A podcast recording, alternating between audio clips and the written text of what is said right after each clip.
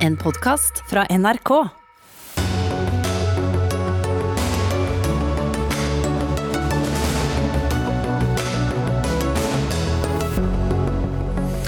For første gang i historien er det erklært mistillit mot en svensk statsminister. Det skjedde i dag, men hva Stefan Löfven eh, gjør som konsekvens av den mistilliten, se det er helt i det blå. Over og ut for Norwegian-sjefen, som forsøkte styre selskapet gjennom koronapandemien. Nå erstattes han på dagen, og det av en av sine egne undersåtter. Først angrep de bensin- og dieselbilene. Nå går Miljøpartiet De Grønne etter elbilene. Iallfall de som befinner seg i byene. Og det irriterer elbilpartiet Venstre.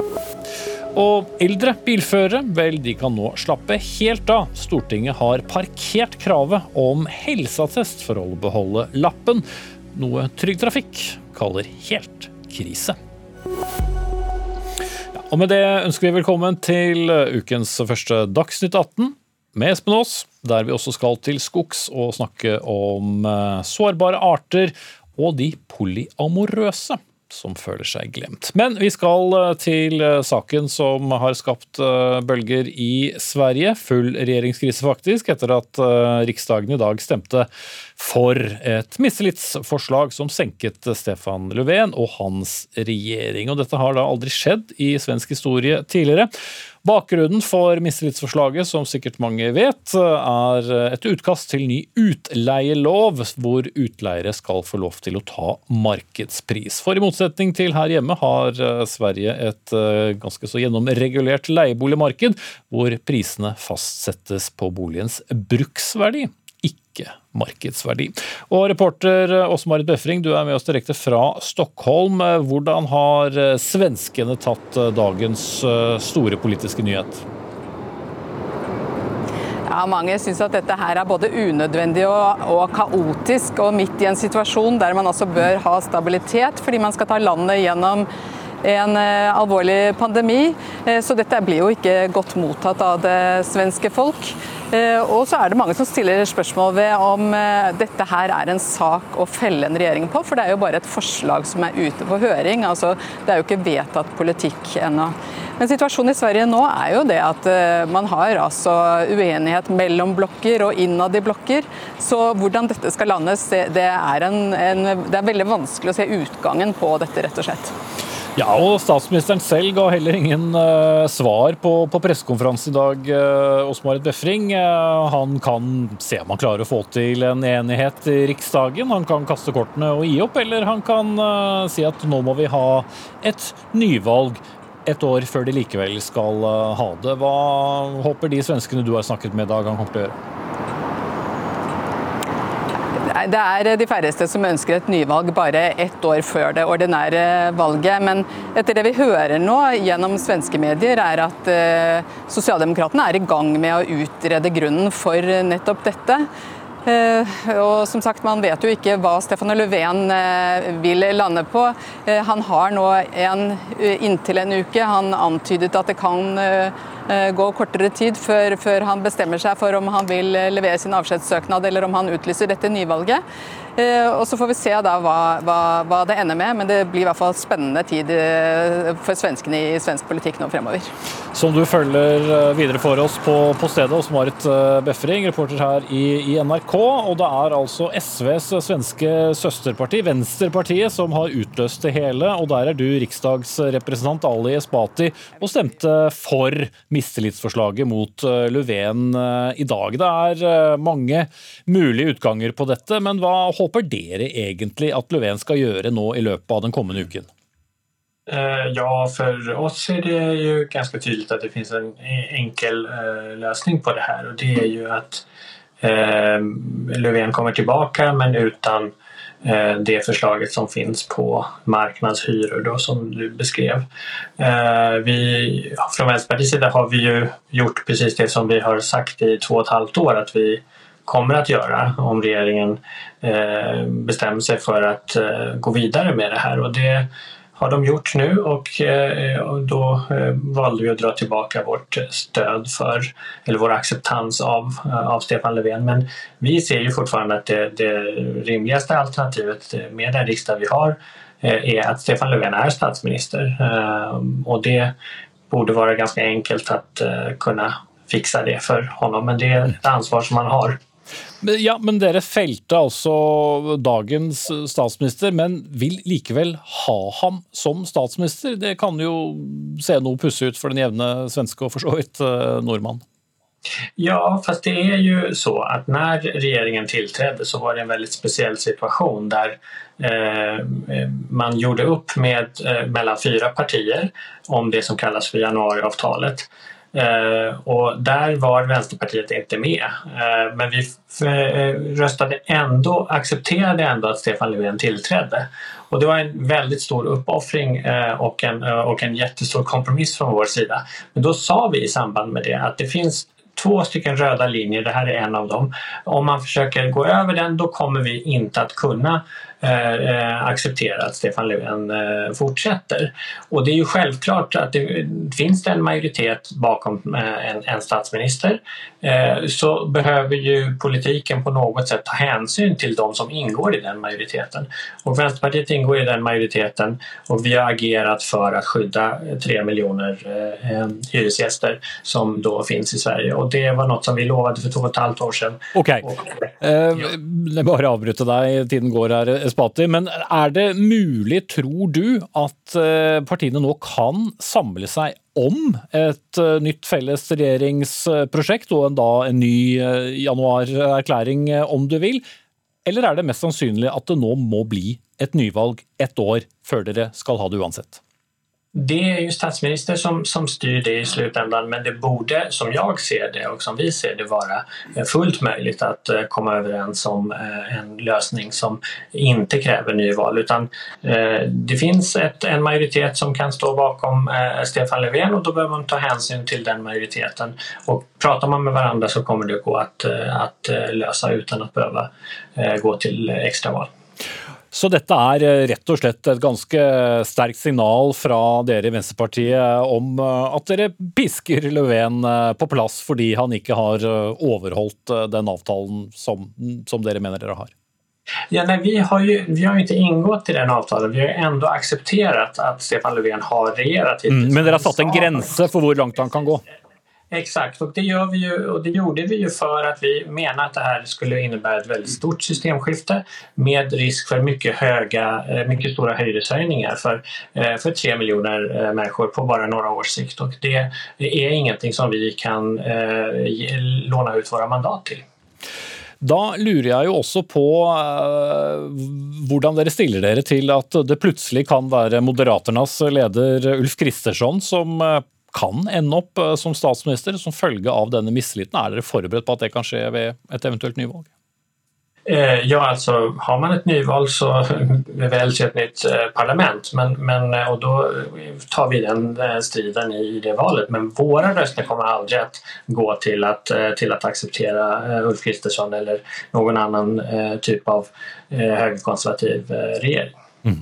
Da sier vi takk til deg, Ali Espati fra det svenske Venstrepartiet, som er søsterparti til norske SV, og Magnus Takvam, politisk kommentator her i NRK. Du har jo fulgt denne saken mm. denne uken. Nå er det en uke altså som, som Leven har, har, på seg. og Det var ikke så lett å lese ham på, på, pressekonferansen i dag, men hvis han nå skulle kaste kortene og si at uh, dette går ikke, hva da? Nei, da er det to muligheter. Eh, eller hvis han sier at det overhodet ikke går, og han ikke ser for seg at han greier å etablere et nytt grunnlag og fortsette, så blir det jo eh, et ekstravalg eller, eller nyvalg. Eh, men før vi konkluderer med det, så, så var det en del som spekulerte på forhånd om Löfven, fordi dette er en historisk hendelse i, i, Riksdagen i Sverige at en uh, regjering ble felt på et mistillitsforslag på denne måten. Om han selv ville komme det i forkjøpet og eventuelt trekke seg eller varsle et nyvalg, så han slapp den ydmykelsen. Men det, man, det han oppnådde ved hjelp av dette, er å få da nettopp disse sju dagene med trussel om et ekstravalg som, som bakteppe, og kanskje håpe at det i seg selv Eh, gjør at det kompliserte samarbeidet som han er avhengig av, får, et ekstra trøkk, så å si. Men uh, alle er jo enige om at det ser utrolig vanskelig ut pga. rett og slett matematikken her å, få det til. Men uh, han har nå disse dagene på seg til å prøve. Så hørte vi jo Ali Spati fra, fra, Venstrepartiet si at de, de, ønsker jo fortsatt uh, Stefan Löfven som, uh, som, statsminister, men da må han innordne seg det kravet rundt å ikke ha markedsstyring av disse utleieprisene. Men vil det være et stort nederlag for Löfven? Han har jo valgt å gå ganske langt og bli felt på den samme saken, hvis han da sier ja ja, ok, ja, Slik han og sosialdemokratene ser det, så, så ble de felt fordi de holdt seg til januaravtalen og holdt seg til den avtalen de hadde med sitt regjeringsgrunnlag. Og det var den, på en måte, den lojaliteten han satt først. Eh, men det du spør om, er om det er mulig eller realistisk at f.eks. da Senterpartiet, som er motparten i den sammenheng til, til Venstrepartiet her, det er de som er tilhengere av den typen liberalisering av, av, boligmarkedet i Sverige, først og fremst i denne, i denne grupperingen som vi snakker om nå. Eh, det illustrerer jo at det er vanskelig, og det illustrerer en del av den konflikten vi, vi snakker om, eh, hvorfor det har blitt slik. Eh, og Det er jo en del som peker på at kunne ikke Löfven vært tidligere ute? Undervurderte han det, den trusselen som Venstrepartiet kom med? Trodde han at de i siste liten skulle bøye av, eh, eller ikke? Det, det, er jo etterpåklokskap, men nå har man i hvert fall endt opp i en, en meget krevende Eh, situasjonen. Og det han ellers også fikk eh, etter dagens eh, votering i Riksdagen, var at liberalene, det andre sentrumspartiet som har vært grunnlag i, for hans regjering, har hoppet over til den borgerlige siden.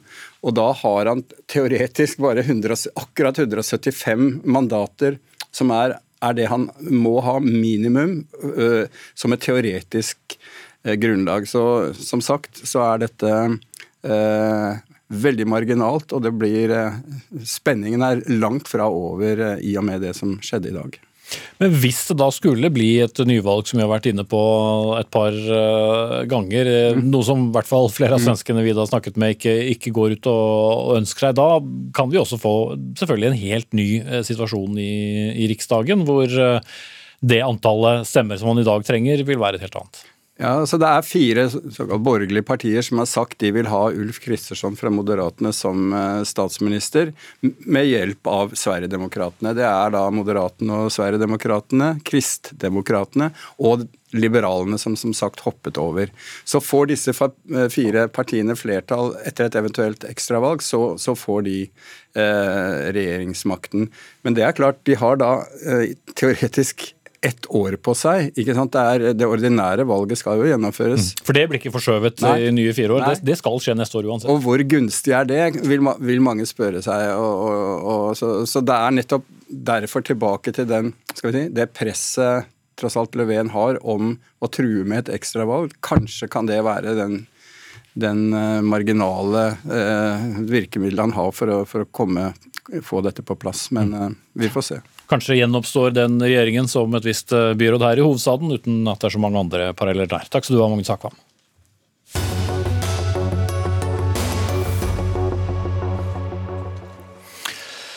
Styret i eh, Norwegian ga flyselskapets eh, konsernsjef Jakob Skram sparken i dag. Han eh, fikk bare halvannet år i jobben, hovedsakelig under pandemien vi alle kjenner til. Han takket nei til å komme til Dagsnytt 18 i dag, men skriver i en tekstmelding til oss at han var overrasket over avgjørelsen.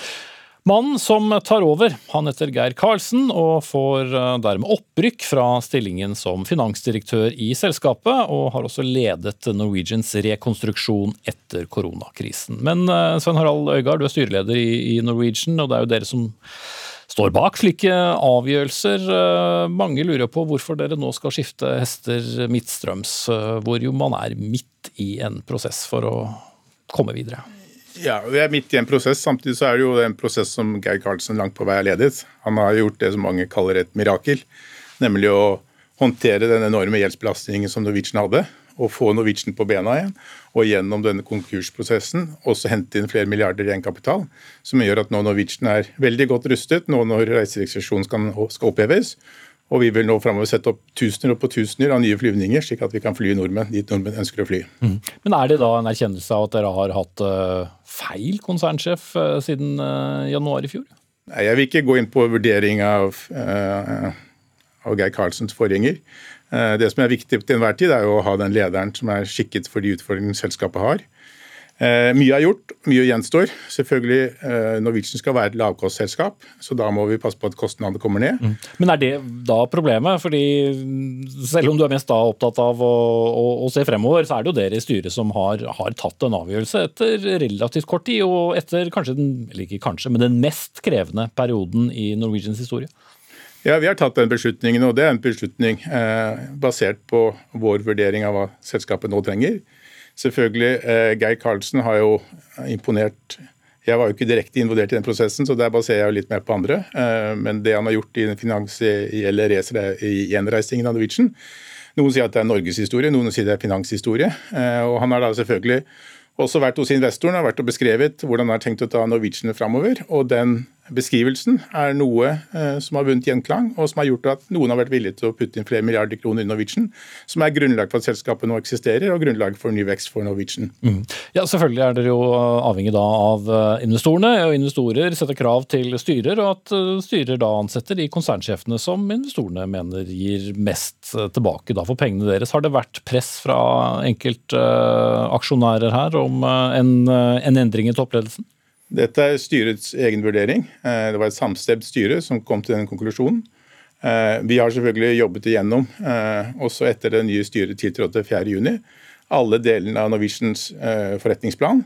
En forretningsplan som for øvrig langt på vei er utviklet av Geir Karlsen. Mm. Men det som er morsomt er jo... Ja, bare, bare, for å bli ferdig med det spørsmålet. Da, altså, ha, har det vært krav eller ønsker fra store eiere av aksjeposter i selskapet om at det ble en ledelse i toppen, selv om dere sier at dere er et enstemmig styre?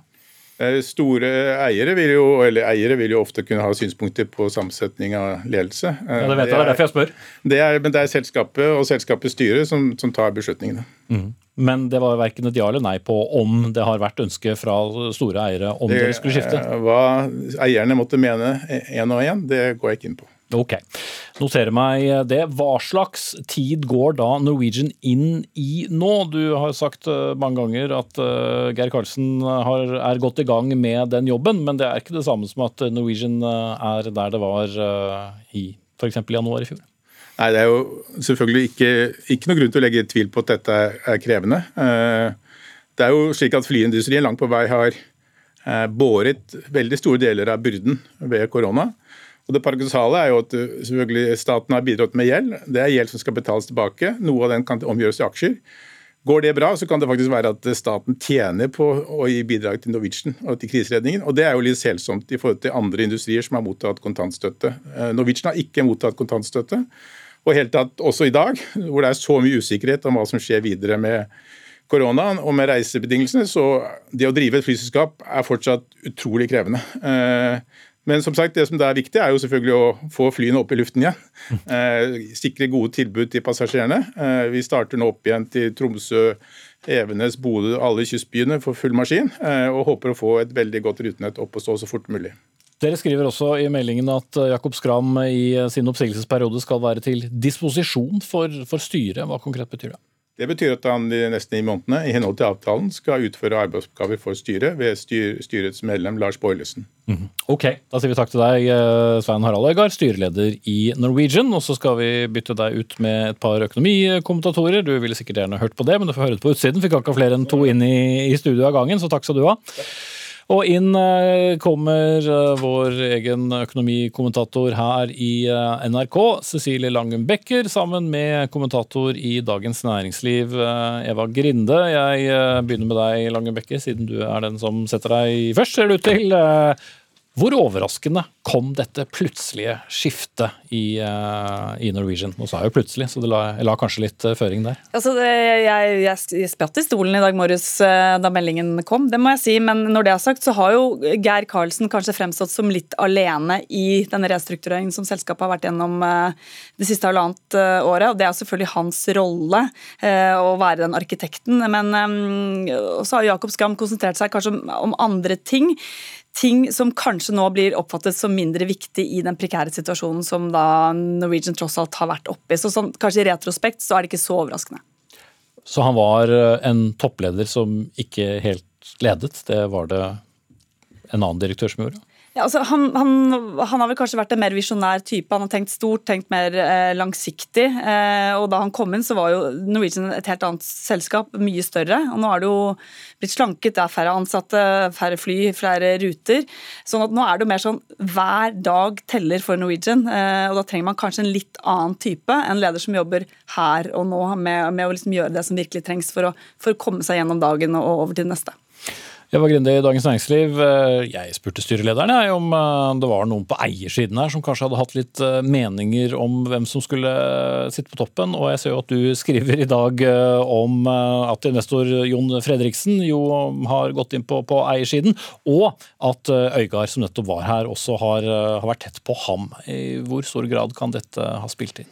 Ja, altså Nå har jo Fredriksen eh, for eh, bare noen få uker siden eh, kjøpt seg opp til en, og eier en femtedel av selskapet, og har dermed i tillegg til sin store stjerne generelt også veldig mye formell makt i selskapet, og har satt inn på en måte sin mann som, som styreleder. Og det er, det er vel ikke noe særlig tvil om at både Fredriksen-systemet og andre store investorer har vært veldig imponerte over Carlsen. Det er ham de har truffet eh, i alle disse møtene hvor eh, Norwegian har prøvd å forhandle seg til, til, eh, til, penger fra investorene.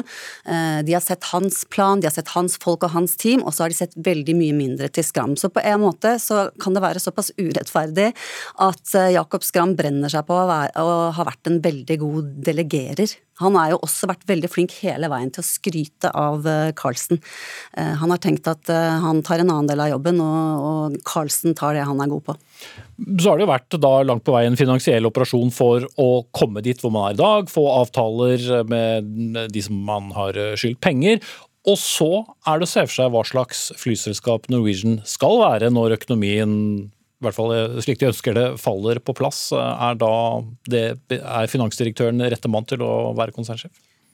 Det virker det jo i hvert fall som investorene er ganske eh, overbevist om, og det er jo eh, relativt viktig. Jeg tror også det kan være et visst element av, av kulturkrasj her. Altså, eh, Jakob Skram kommer fra, fra, en annen verden. Han har skrevet en bok som heter 'Essensen av business', der han definerer business som en fersken. Ganske... Og han hadde jo ingen bakgrunn fra luftbransjen? Nei, ingen bakgrunn fra luftbransjen. Ganske vidløftig. Har, har er vel mer en som, som bygger organisasjoner og tenker langt fremover, mens, mens Carlsen snakker nok investorenes språk, sånn som de ser på den umiddelbare fremtiden til Norwegian nå.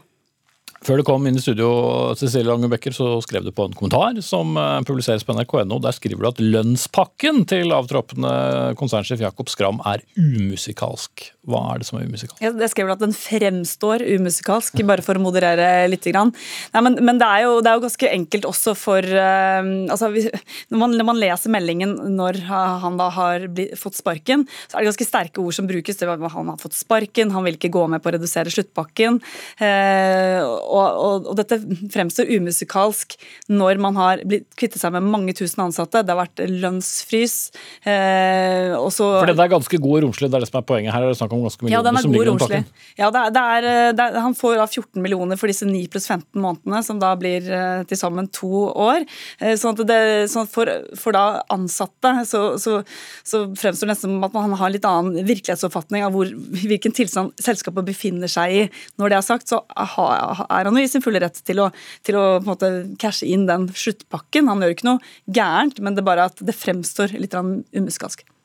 Men de velger altså å skrive i børsmeldingen at de ikke fikk han til å gå ned i lønn i oppsigelsestiden. Er ikke det spesielt? Jo, det er veldig, det er veldig uvanlig. og først, Ved første øyekast lurte man hva, hva, hva, i all verden er dette. Men jeg tror eh, Lange Becker er inne på noe her, for jeg tror det handler veldig mye om eh, signaleffekten eh, som den pakken eh, for, Fordi Norwegian var jo ikke i noen sånn trygg posisjon da de ansatte Skram med de betingelsene. Som var rett før korona? for de var jo allerede i trøbbel da. Det skal han ha. Den de ikke om, men det var mye trøbbel, og de hadde vært mye ute og, og, og fridd etter penger og vært ikke sant, i, før det. Så det var, det var, jo stor risiko ved å ta den jobben, og ergo får man en type så stor fallskjerm, ikke sant. Og nå prøver de på en måte Jeg syns den er litt stygg å prøve å dytte ansvaret over på Skram for å ta liksom blamen for den miseren av at, at han fikk den gode avtalen, og at han kanskje ikke var rett mann til rett tid. Mm. Og så skal han være i disposisjon i ni måneder. Det blir topp stemning, da.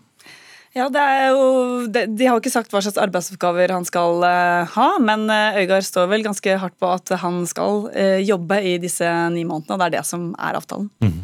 Ok, takk skal dere ha. Eva Grinde, kommentator i Dagens Næringsliv, og økonomikommentator i NRK, Cecilie Langebekker.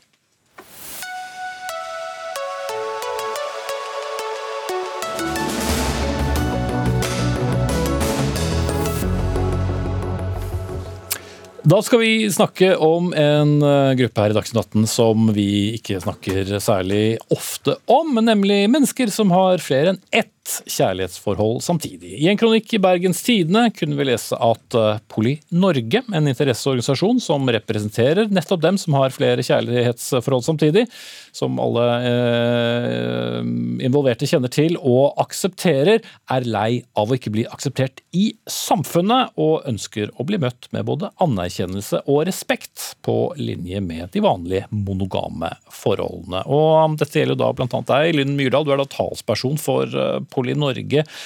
Hva slags eh, anerkjennelse er det dere ønsker? Dere sier bare vi vil ha mangfold, og bruker formuleringen skal ikke seire i noen krig. Hva, hva betyr det?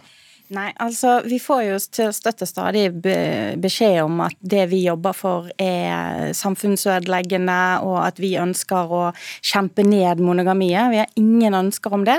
Jeg tenker det at hvis folk med samtykke og med informert valg velger å være monogam, så er det veldig flott. Men i et samfunn der man kun informerer om én sannhet, så er det veldig vanskelig å ta informerte valg. Og det ønsker vi. Vi ønsker å gi muligheten til folk å ta informerte valg.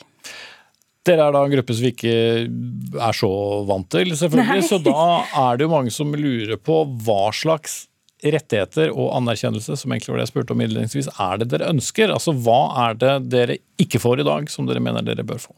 Vel, hvis du har tre personer som lever sammen i eh, et fullverdig samboerskap, så er det sånn at eh, de to Hvis en av de dør, så er det ingen rett til arv, sånn som det er med samboerskap mellom to personer, fordi de to andre nuller hverandre ut. Det syns vi er litt trist. Mm. Så det um, mangler juridiske rettigheter? Det mangler juridiske rettigheter, og det mangler generelt informasjon om at det er andre valgmuligheter. Det er en sånn single story society der man kun forteller om uh, den kjernefamilien med én mor, én far, to barn, sånn som uh, KrF uh, har nå en stor reklameplakat om at 'one size does not fit all', og det er jeg helt enig med. Det er bare det at de viser bare den one sizen. Jeg hadde tenkt å stille deg et spørsmål til, men siden du eh, innannonserte Kristelig Folkeparti, så har vi med oss deg, eh, Jorunn Lossius. Du er stortingsrepresentant og sitter i familie- og kulturkomiteen på, på, på, på, Stortinget. Hva er muligheten for at eh, det som heter et polyamorøst forhold skal bli akseptert på lik linje som det klassiske monogame?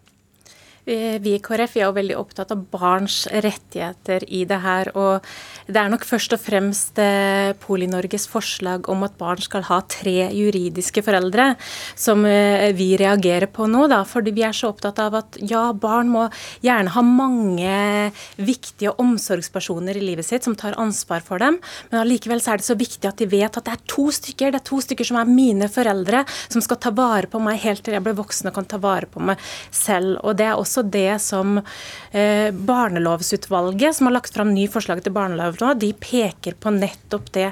At dersom man skulle løfte det her med tre juridiske foreldre, og, eh, så ville det by på en hel rekke juridiske og praktiske dilemma. Myr, myr, ja, Myrdal. Ja, jeg syns jo det at uh, denne ideen om at det er kun to stykker som er skikket til å være foreldre, er jo um, utdatert etter hvert. Du ser i hele samfunnet vårt at ja, foreldre vil si flere enn bare de som nødvendigvis har født dette barnet og som har bidratt med DNA. Og det er veldig mange flere enn poliforeldre som ønsker mer enn to juridiske foreldre. Eh, det gjelder f.eks. alle mulige former for regnbuefamilier, og det gjelder eh, mennesker som er vokst opp som foreldre for barn hele livet, ønsker å adoptere dette barnet for å gi det en rettighet, og så må barnet da velge vekk den andre forelderen som egentlig har født de for eller gitt sæd til det. Um, men det at barn skal slippe å velge vekk folk, syns vi er ganske viktig. Og ok, ja, det er du punktert. Nå skal jo eh, barn få slippe å forholde seg. De skal få slippe å velge sine juridiske eh, foreldre. Og det er jo sånn at Mange kan ha ansvar og omsorg for barn, men de skal allikevel ikke ha juridiske rettigheter til de barna. Eller plikter. Og Litt av den grunnen til det eh, er at hvis vi åpner opp for tre juridiske foreldre eller fire fire eller fem eller seks, så ville det by på en hel haug med utfordringer. Jeg sitter i barne- og familiekomiteen, og vi møter ukentlig foreldre som kommer til oss som er dypt fortvilte, fordi vi vet at ofte samliv ender med samlivsbrudd. Og midt oppi det her så er det en rekke problemstillinger som går på samvær, som går på samværshindring, som går på bosted og flytting og barnebidrag. Men det er jo problemer i all verdens forhold som ikke fungerer ja, i dag. Ja, ja, og det er nok når man har bare to juridiske juridiske foreldre å forholde seg til. Og Det siste barn trenger, og foreldre for så vidt, da er at det vil være enda flere parter med juridiske rettigheter mm. til barn. Så det er enda mer negativt, inn, mener du? Inn her. Ja, jeg syns det er kjempeflott at det er mange mennesker i et barns liv som kjenner ansvar for barnet, og som ønsker å ta vare på det, men det betyr ikke at de skal ha juridisk foreldrerett til det barnet. For vi ser at i de samlivene som ender med brudd, så oppstår det veldig ofte konflikt, og mye av det barneloven okay. adresserer, er nettopp de her kjempevanskelige konfliktene konfliktområdene. Ja, jeg ser ikke det at ikke barn skal kunne få lov til å ha flere foreldre. Barn som er f.eks. vokst opp med en eh, bonuspappa eller en bonusmamma i 13 år. Hvis det blir et brudd der, så har det barnet i dag ingen rettigheter. Hun snakker om barnets rettigheter, men det hun egentlig snakker om, er foreldrenes mm. rettigheter. Mm, som er en litt annen konstellasjon enn eh, det din ja, forening eh, jobber som. Men, men hvor, vi jobber for mangfoldet, vi. Ja, men hvorfor skal det ikke bli enda mer komplisert, da? Når det skal være tre juridiske foreldre Jeg sier ikke at det ikke skal bli komplisert, men det at ting er, er vanskelig, gjør det ikke nødvendigvis feil. Det er tydelig at Myrdal ikke kjenner til kompleksiteten i det her som går på foreldrerett i forhold til eh, ulike vanskelige situasjoner. Og eh, det, er, eh, det som er viktig i det her, er at vi alltid greier å sette barnets rettigheter, barnets rettigheter til trygge og stabile rammer, mm. foran eh, voksne menneskers behov og ønsker om anerkjennelse, f.eks. av ulike typer mm. samlivsformer. Men i og med dere har da dette bildet da, eh, i deres kampanje Lossius, eh, en, en hvit familie familie med, med, mor og far og to barn av, av begge kjønn. Er det, er det det som er familieidealet? Familier i dag kommer i alle fasonger og størrelser, og vi er bare opptatt av å bygge sterke familier, og at barn skal kjenne det at de har en trygg og stabil ramme rundt livet sitt. Men har dere et oppdatert syn på kjernefamilie? Vi er ikke villige til å fire på barns juridiske rettigheter i en barnelov for å anerkjenne voksne menneskers behov, eh, eller behov, deres behov for anerkjennelse av sin samlivsform. Det er veldig alvorlig. Okay. Så, Da skal du få svar, Myhra. Hva med å anerkjenne barnas behov, da? Altså, Det hun snakker om er ikke barnas behov, men de voksnes behov for å bare være de to. Men barna har også behov. Barna har også en tilknytning til disse andre menneskene. Og barna syns vi burde stå mer i sentrum enn det KrF sørger for med sine kjernefamilier uten noe som helst som syd... Altså, det kunne like så godt vært for 75-85 år siden det bildet der ble tatt, eh, for å vise hva som var en rett familie. Burde dere være litt mer oppdatert på den moderne familie, Lossius? Kort til slutt. Vi er veldig oppdatert i vår familiepolitikk. For det det, alle de andre partiene har en strømlinja familiepolitikk, mens vi legger til rette for at familier er forskjellige. Men når det kommer til barns rettigheter i en barnelov, så kan vi ikke fire på kravene. Okay, du nevnt Tre, fire, eh, fem, seks juridiske foreldre ville by på en utrolig Som du nevnte også innledningsvis. Jeg setter strek der. Jeg, Jorunn Lossius, stortingsrepresentant fra Kristelig Folkeparti, og Lyn Myrdal, talsperson i Poli-Norge.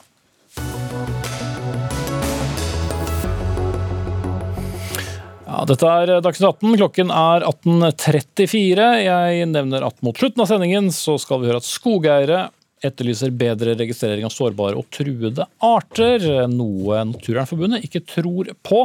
De mener at de heller vil ha biologene ut av skogen.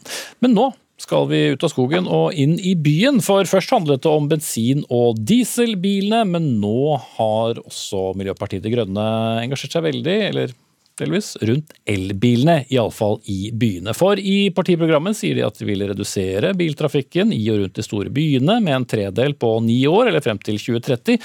Det høres jo tilforlatelig uh, greit ut, uh, kanskje. Men så har uh, MDGs nasjonale talsperson Hulda Holtvedt snakket med NTB, hvor hun blir sitert på følgende Vi mener byene blir bedre med færre biler som står parkert rundt omkring, lager svevestøv og okkuperer plass. Og da, Arild Hermstad, fungerende leder i MDG, så har det utløst mye engasjement rundt omkring på de sosiale medier. Er dere både for og imot elbil? Eh, det var en uh, grei oppsummering. Altså, jeg elsker elbilen. Jeg har kjempet for at elbilene skal få uh, virkelig ta over for de fossile bilene. Og Miljøpartiet De Grønne vil beholde elbilfordelene mye lenger enn det en del andre partier på Stortinget vil. Så det er vi helt men, for. Men bor du i byen, så bør du helst ikke ha den. Vi vil jo, altså Elbiler i distriktene er superbra, det skal vi, det, der må vi gjøre mer. Der gjør vi altfor lite. Mm, men, men i byene så er elbilen en del av en veldig gammel og dårlig tradisjon. I 70 år så har vi altså planlagt eh, byene på bilens premisser. Det betyr at eh, man gir veldig lite oppmerksomhet til gående, til syklene, til uh, mer trær. Og elbil har Gjør man egentlig det, da? Det er jo sykkelfeltutbygging over en lav sko. Blant annet liker i hvert fall uh, ditt parti å skryte av det i hovedstaden. Ja da, men vi må altså gjøre mye mer av dette. Og Grunnen til at vi ikke vil ha bilen i byen, og færre biler i byen, er jo fordi at den gir forurensning. Den gir støy, den gir luftforurensning, den tar mye plass, den gir mikroplast. Og vi må begynne å planlegge. Altså Det er først og fremst oss politikere som må Vi må oppdage elsykkelen. Altså Elsykkelen er mye viktigere for hvordan du lager en by, enn elbilen. Og det man, er det dette handler om. Hvis man da skulle finne på å bevege seg ut av denne byen, og skulle besøke noen foreldre eller ut og reise, hva, hva skal man gjøre da? Man kan ikke sykle, sykle til fjells? Nei, da er bilen helt utmerket, og til det formålet så funker bilen veldig godt. Men vi må jo huske at i mange av byene våre så er det faktisk et flertall som kommer seg frem hver dag uten å bruke bilen. De bruker sykkel, de går og de tar bussen. Eh, og de må vi se enda mer i årene som kommer, for at vi skal klare å redusere det. Og det, det som er problemet, da, er jo at rundt Bergen, rundt Oslo, rundt Trondheim, så planlegger staten svære firefelts motorveier inn til byene, og det er det som er feil retning. Mm. Men Ola Elvestuen, stortingsrepresentant fra Venstre, og har priset elbilen mang en gang eh, her, bl.a. For, for å nå våre klimamål. Eh, hva tenkte du da du hørte at MDG vil ha elbilen ut av byen? Helt enig? Jeg ser ikke noen grunn til å jage elbilen ut av byen. Jeg er helt for at vi skal satse på kollektivtransport, og vi skal ha sykkelveier og det skal ha flere gågater. Men det er, folk lever veldig ulike liv i byen. De er i helt ulike livsfaser, og veldig mange har også behov for bil også i byen. Og Da er det viktig for oss at det får de til når de kjøper en ny bil, og de som gjør det. Det er fint også hvis man ikke kjøper bil, men de som gjør det og har en elbil, så må vi legge til rette for det også i framtida. Det som er viktig, er at du har livet og tilgjengeligheten i byen, og særlig inn mot sentrum. Og du har også de som har behov for bil, må også kunne ha en tilgjengelighet til det, uten at det går ut over gående, syklende og kollektivtransport, som vi, vi satser stort på og har gjort gjennom mange år. Hermstad. Altså, eh, Byene våre har ikke plass til at vi skal holde oss med to tonn metallboks eh, alle sammen, eh, som vi parkerer ute i gaten, og som vi egentlig ikke bruker så fryktelig mye. Det er en, det er en lite smart måte å komme seg frem på. Det gjør òg at fremkommeligheten for alle blir dårlig. Så hvis vi er litt lure, så tenker vi hvordan lager vi smart, smarte løsninger for byene? Hvordan planlegger vi byene? Hvordan premierer vi folk? Og det er jo litt, det er litt interessant at det at det har kommet elsykler, det betyr jo at en familie med to barn kan bruke elsykler til barnehagen istedenfor denne bilen, f.eks. Altså, det er mye enklere å komme seg overalt hele året hvis du vil. Og det burde jo lagt en del føringer på hvordan vi tenker, både, ikke bare i byen, men også i utkanten av byen. hvordan vi mm. planlegger. Men, men da sier du jo indirekte at da kan man jo ikke eh, eie denne elbilen som man har blitt oppfordret til eh, å, å begynne å eie. da, For hvor skal du jo, gjøre av den altså, hvis ikke du skal ha den i byen? Skal du ha en sånn stor parkering folk, utenfor? Jeg unner folk å eie elbilen, men jeg tror jo mange vil gjøre som meg etter hvert, nemlig å dele på bil. Bli med i en bilkollektivordning. Sånn at når du skal til hytten, når du skal til eh, din gamle tante som bor litt utenfor byen, så er det helt greit å bruke bil. Men at vi skal stable opp masse biler på det eh, veldig lille arealet vi har i de største byene, det er det som jeg tror vi ikke kommer til å gjøre i fremtiden. Ja, men Det er to ting med dette. Det er fint med Man skal satse på elsykkel, satse på sykkel, men da fokusere på det man er for, og det du da må um, gjøre for å få det til. Men det er ingen grunn dermed å sette i gang en prosess for at du skal ha bilen eh, og elbilen bort. For det er det ene. Og det andre er eh, hvis vi ser her i Oslo, så har jo, hvor MDG også er med og styrer, så har man altså nå innført uh, parkeringsavgift på elbiler. Man har tatt vekk ladepunkt for elbiler i store deler av sentrum. Man innførte 50 eh, avgift også i bomringen nå i, i år. Og dette er for tidlig. Fordi vi trenger, de, vi trenger elbilfordelene i byene fortsatt for at vi skal klare omstillingen med å nå målet med bare selge nullutslippskjøretøy innen 2025. Men vi kan ikke begynne å ta dette bort så tidlig som det man gjør. For Hvis man først skal overtale noen til å bytte fra forurensende biler som begge er enige om at ikke vi skal ha i byen, og så bytter man dem ut med en bil, er det ikke da en smule til irritasjon for de som har skiftet, hvis dere da skal komme og si ja, nå har du skiftet til elbil, men nå skal du faktisk ikke få ha elbil? Som sagt, Jeg elsker elbilen, og jeg mener den har sin store styrke på, for de som bor litt utenfor byen, og de som bor eh, i distriktene.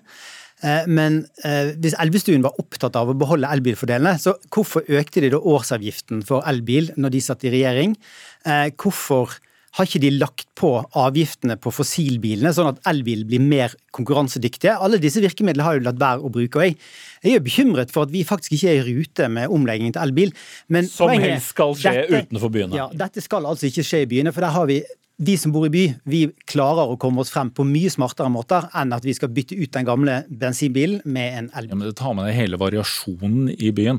Man bor altså på veldig ulike måter, også i byen. Og selvfølgelig må man ta med seg at også den elbilen er en del av det transportsystemet som vi har. Og så har Venstre holdt disse elbilfordelene nå i to perioder mm. i sterkere grad enn det også MDG har gjort uh, lokalt. Og vi når altså målet. Vi satte målet, vi satte målet med bare nullutslippskjøretøy i 2025 i mai bare 60% av bilsalget i Norge var elbiler. Det er ingen men, land i verden men, som er i nærheten av dette. Nei, Og vi har vist at vi har vilje til å holde på fordelene inntil vi mm. vet men, at vi må det, ting skjer jo også av seg selv. fordi at uh, i en stor by som Oslo så eier færre og færre bil, og flere og flere sier jeg trenger ikke bil, kollektivtilbudet er, er flott. Er det ikke da bedre å bare gjøre det enda lettere å ikke bruke bilen, og så slipper man å irritere folk eh, ved å si at nei, nå skal du ikke få ha bil i byen lenger. Men, men, dette er jo politikk. Dette handler om hva vi politikere gjør. Eh, og vi sliter jo litt eh, i flere byer med at staten nekter byene å sette ned fartsgrensene hvis de vil det.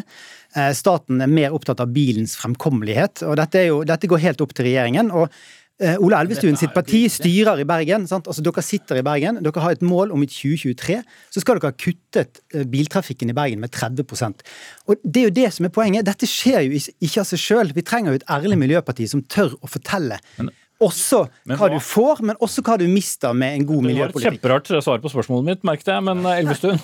Ja, bare den historiefortellingen. Altså Siden vi kom inn på Stortinget, så har vi sørget for at eh, Oslo har fått skiltmyndighet. Det hadde man ikke tidligere. Altså Så du får lov til å ta vekk parkeringsplasser. Det hadde vi ikke tidligere. Dere har fått lov til å ha en differensiert bomring. Det hadde man ikke tidligere.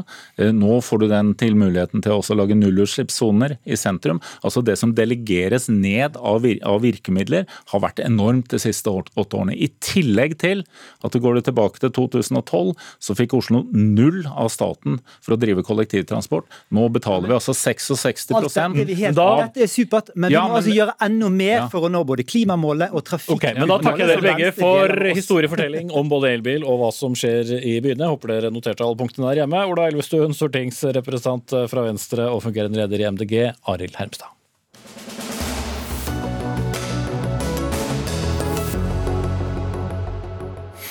Vi skal eh, fortsette å snakke om uh, samferdsel, vi. For uh, kanskje bør du være litt ekstra observant fra og med 1.8 dersom du er ute i trafikken. Jeg sier kanskje, men iallfall så slipper eldre over 80 å fremvise helseattest for å beholde førerkortet. I dag må en slik helseattest fornyes hvert tredje år, men nå vil det bli fritt frem for eldre å sette seg bak rattet og kjøre bil. Forslaget ble vedtatt eh, i Stortinget i februar, og så på nytt i slutten av mai, og virkningen er altså fra 1. august. Arne Nævra, du eh, sitter i transportkomiteen for eh, SV. Det var deres forslag.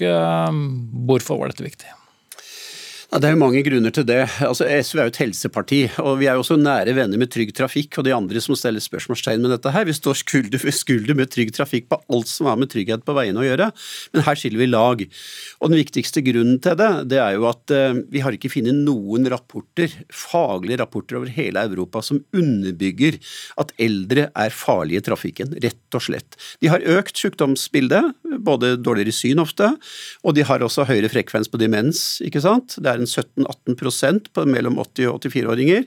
Men vi ser at vi må ikke gå på autopilot, sånn som mange organisasjoner nå har gjort. Må sette likhetstegn mellom det sykdomsbildet og ulykker i trafikken. Ja, nettopp derfor så har man da f.eks. For fornyet en helseattest eh, hvert eh, tredje år. Og det er jo ikke bare Trygg Trafikk, Nasjonal forening for folkehelse, Legeforeningen og Optikerforbundet mener at eh, det dere har bestemt, ikke er forsvarlig. Ja, da, Alle disse er vi venner med på alle andre saker enn denne her. Altså Det vi ser er at eldre stort sett tar følgene av at de føler at de ikke er trygge i trafikken sjøl, at de ikke behersker bilen som de skal, kanskje får de dårligere syn, kjører ikke i mørket, de kjører på kjente veier, kjører mye mindre enn før, og det betyr at ulykkesfrekvensen er ikke stor hos eldre bilførere. Det er de tallene jeg etterspør, og husk på det, Sverige Danmark, Tyskland har ikke dette her. Ok, Da tar jeg inn eh, Jan Johansen, du er direktør i, i Trygg Trafikk. og Dere mener at dette forslaget er, er trafikkfarlig. Hva, hva, bygger dere det på? Ja, I eh, ingressen på begynnelsen av sendingen da sa du et eh, viktig ord. Det er helt krise. Og det er det jo fordi um, man nå tar bort et, et, verktøy som har sikret at de farligste uh, sjåførene av de eldre altså de som ikke er skikket til å kjøre på norske veier, at de blir eh, tatt ut av trafikken. Mm. Men hvor farlig er de da? Nevra ser ut til å mene at de ikke er det? Ja, eh, nå bruker Nevra fakta som eh, en viss mann bruker Bibelen, eh, dessverre. han, han har ikke rett. Han har ikke rett. Eh, eldre over 75 år har beviselig større risiko. Det gjelder både trafikanter generelt, og det gjelder eh, bilførere. Han viser til Sverige. Det er ikke riktig det han sier der heller. Det er altså i Sverige større risiko blant de eldre enn det er i Norge. Det så vi nylig i en rapport fra det svenske VTI eh, som, eh, som, som stadfestet dette. Altså Det han sier, det er jo det at, at jeg, jeg, snakker usant om Sverige. Det jeg sa om Sverige, er jo at de har ikke helseattest for eldre. Og Det er heller ikke Danmark, og det er heller ikke holdt på å si, bilens hjemland i Tyskland. Det som er poenget her, er at i, i Sverige så kom det svær utredning i 2017. Den kjenner du meget godt til. Eller 2018 var det faktisk. Og da, Det er Transportstyrelsen som kom med den. De hadde gått gjennom 16 000 tilfeller der hvor eldre var involvert i trafikkulykker. Og de fant ingen korrelasjon, altså en sammenheng, mellom demens f.eks., og trafikkulykkene. Og Det er jo sånne rapporter vi har lent oss på hele veien. Men har du andre rapporter, Jan Johansen? Ja da, jeg har akkurat vist til en uh, ganske nylig rapport. Men det som er forunderlig, og som vi, som vi reagerer på, både vi, uh, de frivillige organisasjonene, men også etatene, det er jo at uh, Arne Nævra altså sitter på fakta og kunnskap som ingen andre av de nasjonale aktørene har. Han vet mye mer om dette temaet enn alle andre. I en høring på samme tema i 2019, altså bare for to år siden, da var politiet, der var fylkesmennene, nå heter det Statsforvalteren, eh, Statens vegvesen, klinkende klare på uh, viktigheten av at vi har eh, en sånn stopp. Du går ganske langt til å si at Arne Nævra ikke snakker sant? Nei, jeg vet ikke. Ja, det tror jeg ikke Nævra gjør mot sin vilje. Men jeg tror rett og slett at her har det vært et poeng for SV å finne noe god eldrepolitikk. Eh, det skjer jo et eller annet ut i september her sånn. Et valg, eh, faktisk. Er det det det handler om her, da? Dette er ikke for SV i hvert fall, kanskje for Frp, som støtta det. Eh, de som følger med i politikken skjønner jo det at SV er et helseparti, ikke sant? Og vi er et parti som ønsker trygghet på norske veier, og dette veit Trygg Trafikk så godt, for vi står sammen med dere i alle andre saker. Sånn at her er det snakk om, tror jeg, at vi har gått inn i faktaene. Vi har ikke gått inn for noe valgflesk, for jeg tror Jeg er ikke brått sikker på at vi tjener på det heller. Men det vi har sett, det er at samfunnet har gått i en retning av sentralisering. ikke sant? Og for dem som da mister sertifikatet sitt i distriktene, så er dette så alvorlig at det er som hele bånden går ut av livet deres. Det må men, vi ha med men det er jo basert på kriterier, på syn, eh, hørsel og evne til å oppfatte. Det er vel ikke noe som diskrimineres for å diskriminere? Nei, men altså Poenget er at vi tar ut ei gruppe som stigmatiseres, og det er de eldre.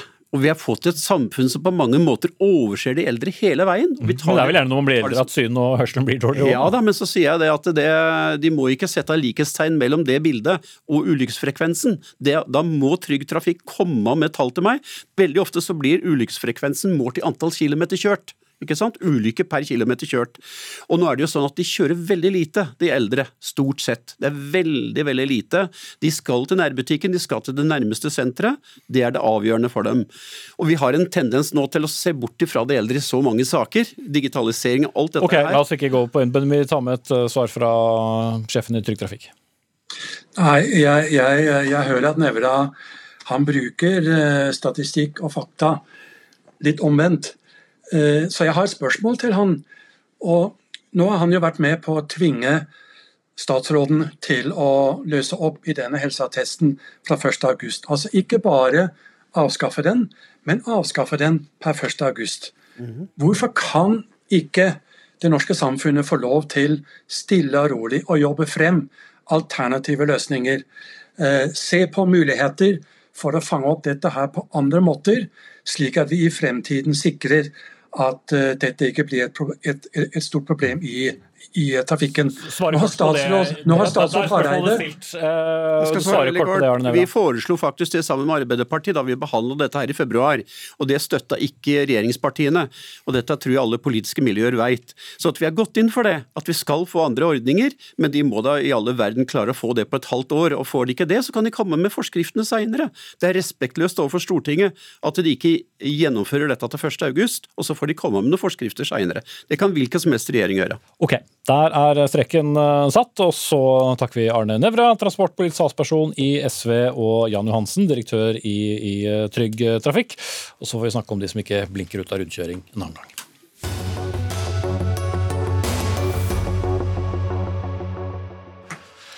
Det er eh, på tide å gjøre noe med artsregistreringen her i landet, mener skogeierne. For eh, nå kan hvem som helst registrere både sårbare og truede arter i Artsdatabanken, har vi kunnet lese i Nasjonen, men dette bør endres på, sier du Tor Henrik Kristiansen, daglig leder i konsernet Viken Skog. Hva slags endring må til, og hvorfor er det en god idé? Det vi ønsker er på en måte ikke en kamp om artsregistreringer og naturmangfold og, og den biten. Det vi ønsker er når artsbanken blir såpass stor at det gjøres to millioner registreringer i året, det er 5000-6000 om dagen, at eh, systemet som myndighetene bygger opp, ivaretar at registreringene er gyldige. Vi er sikre på det. Det eksempelet som vi hadde i Nasjon, det er en, en, eh, en art eh, som lever i vann, er registrert på land. Ja, for, for bare for å ta bakteppet da, for de som ikke helt kjenner hvordan dette fungerer. fordi Hvis en truet eh, art da blir registrert i en skog som det drives eh, vanlig skogsdrift i, så får det følger for dere som driver skogen. Sånn er det, og, og vi må ivareta, ivareta det. Og vi er også opptatt av naturmangfold og slike ting. Men hvis registreringa er feil, så mener vi at det egentlig da gjør samfunnet et inngrep på annenmanns eiendom. Men er det veldig utbredt med feilregistrering? Det tror jeg er vanskelig å si, og det tror jeg også Arsbanken sier at det er feil. Men omfanget tror jeg vi er enige om. Og det andre innspillet vi har hatt, da, som vi syns har vært bra, og som vi syns er bare rimelig, og som også kunne vært en kvalitetssikring for, for Artsbanken, er at skogeierne har fått beskjed når det gjøres registrering av truede arter på sin eiendom. Ok, Ta de tur og ordner, da. Truls eh, Gullofsen, leder av Naturvernforbundet. Er det for enkelt å, å registrere arter i denne databasen, og dermed få følger for de som driver skogen? Det som er veldig hyggelig, det er jo at representanten for Viken skog her sier at er, de er glad for at det blir registrert miljøverdier i skog, og at vi skal ha et, et artsregistrering og leveområderegistreringssystem som vi kan stole på. Mm. Det er veldig viktig. kan vi ikke det i dag? Dessverre så kan vi ikke det i dag. Det er altfor lite norsk natur, og særlig norsk skog, som er kartlagt. Skog... Eh, Men det høres ut som han kanskje syns at det fort blir registrert for mye? Og skog, Skognæringa har sitt eget, eh, sitt eget miljøverdikartleggingssystem som heter MIS, Miljøregistreringer i skog som ikke kartlegger arter, men som kartlegger viktige leveområder. Mm -hmm. Dessverre så det system, følges det systemet ekstremt dårlig opp. Og det gjør at det er veldig vanskelig å ha tillit til at ikke gammelskog og viktige verneverdier i norsk skogbruk blir hogd og ødelagt. Og det er klart at det motiverer jo til, for, for folk som har kunnskap om biologi og naturvern, til å gå ut og hjelpe skogeierne med å finne de verneverdige områdene i norsk skog. Mm. Fordi at Men, det er forferdelig hvis verneverdier blir ødelagt. Mm. Men hjelpe kan kanskje komme i litt anførselstegn her, da, hvis jeg forstår deg riktig? At noen er litt for hjelpsomme, sånn at det blir en, en, en hindring i skogsdriften? Det, det, det, kan si, men det som er viktig her, mener jeg, det er jo at skogeierne er for artsbank. Vi er for artsregistreringer. Det jeg syns er rart med miljøorganisasjonene, er at dere syns det er rart at skogeieren syns det er greit å få informasjon om registreringene. Det burde man kunne gjøre med dagens teknologi. Og at det systemet da, som myndighetene setter opp, som er en bra måte å skape kunnskap på, sikkert effektiv og, og, og billig måte å samle data på, at ikke de gyldighetene også, at ikke de også skal gyldig. At dere, tar, at dere, tar, en diskusjon med oss på det, det syns vi er rart. For det er bare litt sånn rettsprinsippet for oss. Det skal være gyldig, og jeg må få informasjon om det. Og det er det saken dreier seg om for oss. Nå har vi hørt at en del skogeiere mener at man skal søke tillatelse fra skogeieren for å gå inn og registrere. Og vi har jo heldigvis allemannsrett i dette landet. Vi kan gå på søndagstur hvor vi vil, og vi kan selvfølgelig kartlegge biologisk mangfold hvor vi vil. Det er viktig. Hvordan Artsdatabanken velger å kommunisere det til grunneier, det kan selvfølgelig du diskutere med Artsdatabanken, men ja, det å jakte på biologer De er ikke med i studio. ikke sant? Så det, det, det, som er viktig, er at vi må sørge for å ha kunnskap.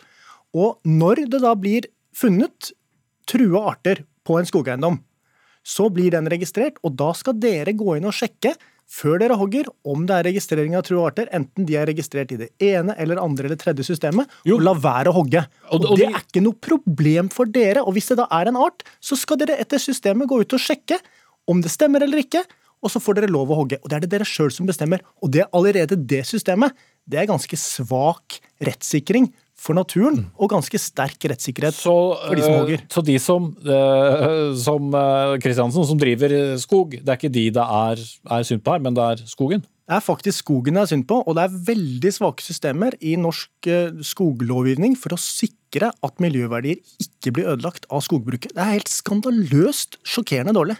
Men, men syns du det er rimelig når, når myndighetene bygger et system gjennom Arsbanken, og det gjøres feilregistreringer, syns det er rimelig at det er skogeieren som skal ta kostnaden og etterprøve faktisk de registreringene som gjøres der ute.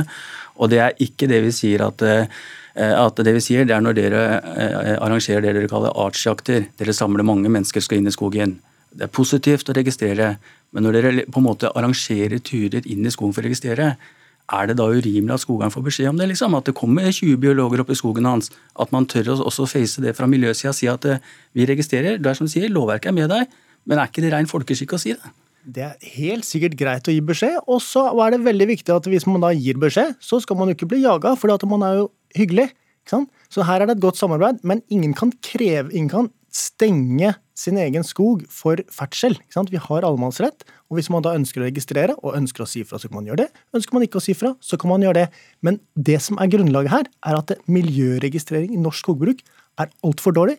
Respekten for det biologiske mangfoldet som finnes i norske skoger, fra veldig mange skogeierforeninger som Viken sin side, er dessverre altfor dårlig. Så dere burde være glad for at folk gidder å hjelpe til med artsregistreringer. Glad for at folk setter pris på det mangfoldet som fins i skog. Og takke for dette med åpne armer, istedenfor å kritisere folk som gjør dere en tjeneste med å samle og gi oversikt over okay, store et, miljøverdier. setter et punktum, og så skal jeg sitere Bjarte Rambyr Heide, som er direktør i Artsbanken, som sa følgende til Nasjonen. Dersom noen registrerer en rødlistet art i et skogsområde, slår det en kvalitetsmekanisme inn. Den som registrerer, får et varsel hvis de er i ferd med å registrere noe nytt. Registrering blir deretter gjennomgått av kyndige biologer vi har avtaler med. Da stilles det krav til dokumentasjon. Så vet jeg at du sikkert ville kommentert det også, men eh, det rekker vi dessverre ikke nå. Takk til Truls Gullofsen i Naturvernforbundet og Tor Henrik Kristiansen i Viken Skog. Odd Nytrøen var eh, ansvarlig for sendingen. Vi er tilbake igjen i morgen. Jeg heter Espen Aas.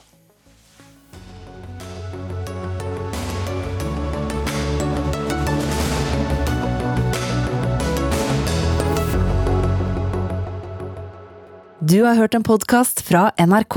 Hør flere podkaster og din NRK-kanal i appen NRK Radio.